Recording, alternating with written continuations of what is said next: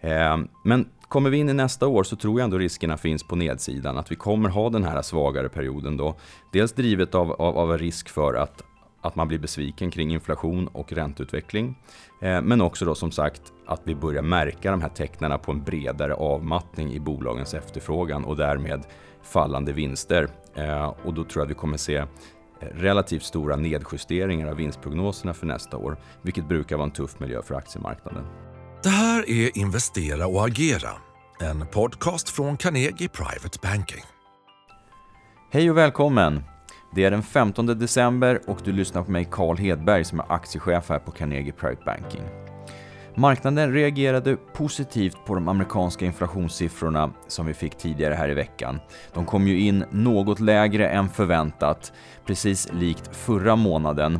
Eh, vi såg en som sagt en positiv reaktion på det här, dock inte fullt lika positivt som för en månad sedan. Och igår så hade vi ju nästa del av det här förväntade nyhetsflödet som, som marknaden har väntat väldigt mycket på. Och det var ju amerikanska centralbanken som lämnade sitt räntebesked då igår klockan 8 svensk tid. Eh, det här kom in som förväntat, 50 punkters höjning, men möjligtvis med eh, mer fokus på då prognoserna på kommande räntehöjningar. I dagens avsnitt ska vi prata om hur man ska investera och agera i sin portfölj eh, de här sista två veckorna på året, men framförallt då inför det nya året. Om vi börjar titta lite grann på marknaden.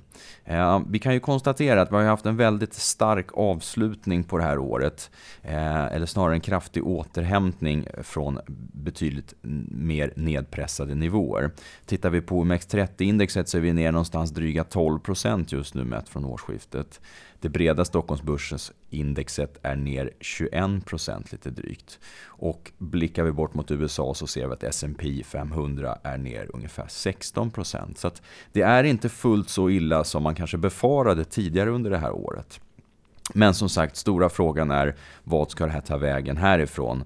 Eh, är det här starten på den lite större återhämtningen eller har vi mera nervösa osäkra börser kvar att blicka framåt för nästa år. Ehm, inflationssiffrorna har ju varit väldigt mycket i fokus under det här året. Framförallt den sista, sista halvan av det. Och det kommer fortsätta vara så även inför nästa år. Vi såg som sagt en något lägre inflationssiffra i den amerikanska eh, ekonomin för november månad. Eh, det här kommer vi nog räkna med att, att vi ser fortsatt fallande eh, inflationssiffror. Men frågan är ju hur snabbt det går. De är ju på väldigt höga nivåer så att även om de minskar så är de ju kvar på höga nivåer. Eh, marknaden tog väl givetvis det här lite positivt men det finns ju en fråga om om det är riktigt eh, uthållig nedgång i det här eller om det är just vissa effekter av till exempel att vissa produktionskedjor har börjat fungera bättre. Till exempel när man ser komponenten begagnade bilar som har fallit i den amerikanska inflationssiffran. Eh, nästa fokus var ju som sagt då centralbanksbesked, räntebeskedet. Det här är ju väldigt tydligt att, att det är räntan som just nu styr marknadens utveckling. Och varför då inflationen blir så viktig? Det är ju egentligen för att det är den som styr vad centralbankerna kommer kunna ha för eh, utrymme att agera helt enkelt. Eller snarare vilken möjlighet finns för dem att, att börja lätta lite grann på de här åtstramningarna med stigande räntor.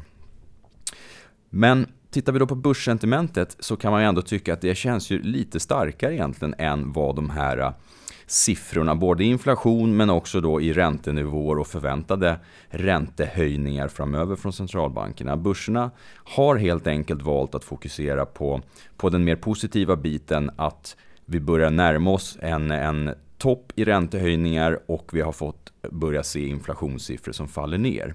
Sen är bara frågan, kommer det här gå tillräckligt snabbt för marknaden för att man inte ska inse att man har sprungit lite för mycket i förväg helt enkelt.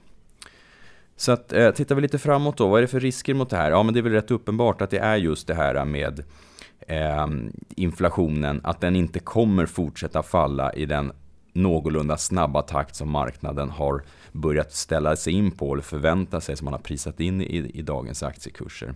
Och i så, så, fall så kommer ju riskerna vara att centralbankerna kommer behöva fortsätta höja räntan och att strama åt ekonomin för att få bukt på det här. Så att inte inflationen biter sig kvar på för höga nivåer.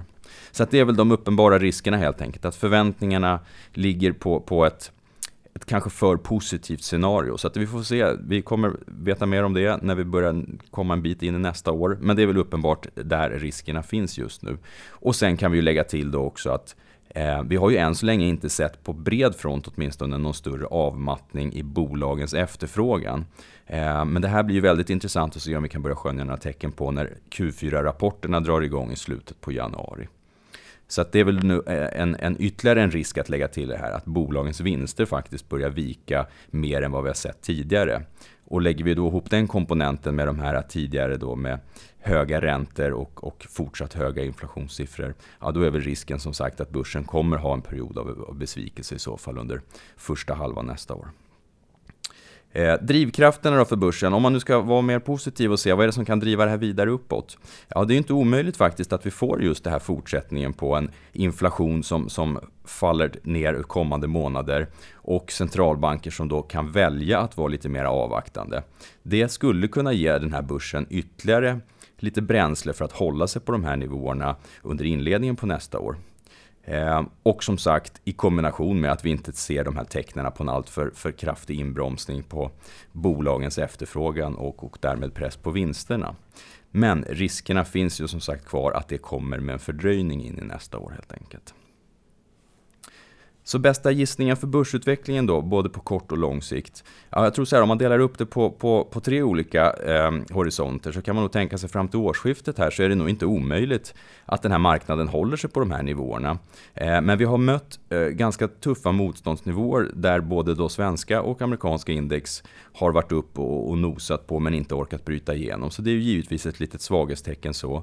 Eh, men å andra sidan så är det ju en, en bra rörelse uppåt vi har haft senaste en och en halv månaden. För svensk börs en, en bit över, strax över 20 procents uppgång faktiskt från, från botten. Eh, och det här är väl ändå någonting att ta fasta på, att det finns investerare som ändå är beredda att se förbi den här kortsiktiga osäkerheten och har pengar redo på sidlinjen. Eh, men kommer vi in i nästa år så tror jag ändå riskerna finns på nedsidan, att vi kommer ha den här svagare perioden då. Dels drivet av, av, av risk för att, att man blir besviken kring inflation och ränteutveckling. Eh, men också då som sagt att vi börjar märka de här tecknen på en bredare avmattning i bolagens efterfrågan och därmed fallande vinster. Eh, och då tror jag vi kommer se eh, relativt stora nedjusteringar av vinstprognoserna för nästa år, vilket brukar vara en tuff miljö för aktiemarknaden. Eh, men tittar man på lite längre sikt, då, börjar man blicka bort mot, mot senare halvan av nästa år. Ja, men har vi fått den här avmattningen under, under mitten på nästa år och att vi är då mer mitt i en, en tydlig lågkonjunktur eller kanske till och med rent av en, en, recession, ja men då är det inte omöjligt alls att aktiemarknaden faktiskt skulle kunna börja blicka förbi det där och börja se tecknen på en återhämtning som kommer kanske in i 2024, vilket skulle kunna få aktiemarknaden att faktiskt börja leta sig uppåt mot slutet av, av nästa år, det vill säga 2023. Så att, ehm, bästa gissningen är väl att vi kommer ha någon period av svaghet under nästa år, men att, att det även under senare del av året skulle kunna finnas möjlighet till att vi faktiskt börjar leta oss uppåt lite mer uthålligt. Och hur ska man då agera utifrån de här scenarierna? Ja, och vilken exponering ska man ha? Ja, men jag tycker faktiskt givet det här att man ska ha en lite större kassa än vad man kanske i normala fall har. Eh, och den aktieexponeringen man har, jag tycker att man ska titta över så att man har lite mera kvalitet i bolagen, lite mera stabilitet. Gärna bolag med relativt låg skuldsättning, stark balansräkning eh, och god utdelning. För att jag tror att utdelningen kommer vara en viktigare komponent av den totala eh, avkastningen under nästa år för en aktieinvesterare. Och lite grann utifrån vilka sektorer som skulle kunna passa in på det här. Ja, men jag tror att man ska titta på bolag som har möjlighet att växa sina vinster nästa år trots en, en avmattning i global konjunktur. Eh, och jag tror att man tittar man lite grann här så kan man ju se att banksektorn passar ganska bra in på det här. De får stöd av fortsatt stigande räntor. Eh, jag tror även hälsovårdssektorn kommer passa väl in på det här. Det finns ingen direkt konjunkturpåverkan på den efterfrågan. Eh, och sen finns det ju också då vissa sektorer inom hälsovårdssegmentet som faktiskt gynnas av den här eh, begynnande återöppnandet av Kina då, som har varit väldigt nedstängt under covid-pandemin. Eh, betydligt längre än vad, än vad övriga västvärlden har varit. Så där finns det också en del intressanta bolag att titta på. Och som ett aktiecase på det här senare temat, det vill säga hälsovårds bolag som har haft det kämpigt under pandemin men som nu börjar se bättre förutsättningar så tycker jag det passar ganska väl in på beskrivningen av medicinteknikbolaget Research. Bolaget är verksamt inom eh, cancerbehandling. Man säljer och utvecklar mjukvara som används inom strålbehandling av cancer. Och det här var ett bolag som, likt många andra i det här segmentet, pressades ganska mycket under pandemin för att sjukvården stängde ner och fokuserade enbart på covid-vård. Vilket gjorde att det var väldigt få nyinstallationer av cancerbehandlingsutrustning. Eh, och dessutom så såg man ett betydligt färre antal patienter som diagnostiserades med, med cancersjukdomar. Och det här är inte så att sjukdomen har försvunnit utan snarare att det inte blev av att man gick till doktorn på samma sätt. Det här börjar nu eh, komma tillbaka till normala nivåer när pandemin har börjat lätta. Och dessutom så ser vi ju nu att även samma sak sker borta i Kina som nu börjar släppa på sina covid-restriktioner. Så att det finns en hel del intressanta tecken på att det faktiskt slår igenom även för Research del. De startade året med väldigt starkt försäljningskvartal, hade en lite lugnare period mitt på året, men nu tog det fart på nytt i samband med, med det tredje kvartalet. Så att ett intressant eh, bolag som står väl rustat att vara med på tillväxten när vi nu börjar lägga pandemin mer bakom oss. Och bolaget vann nyligen här sin allra största order någonsin. Så att jag tycker det är ett gott kvitto på att de har en bra fungerande produkt som är eftertraktad på marknaden. Vill du läsa mer om det här äh, aktiecaset Research så kan du titta på Carnegie Private Bankings hemsida eller läsa om det i dagens veckobrevsutskick. Aktiecaset är en sammanfattning av Carnegies analys som publicerades för Carnegies kunder den 12 december. Mer info om aktien finns länkat i beskrivningen till den här podden. Historik och underlag kan du få genom att mejla mar-information carnegie.se. Tack för att du har lyssnat. Är du intresserad av topprankad aktieanalys och unika investeringsmöjligheter? Gå då in på carnegie.se privatebanking och lär dig mer om vad du får som private banking-kund hos oss.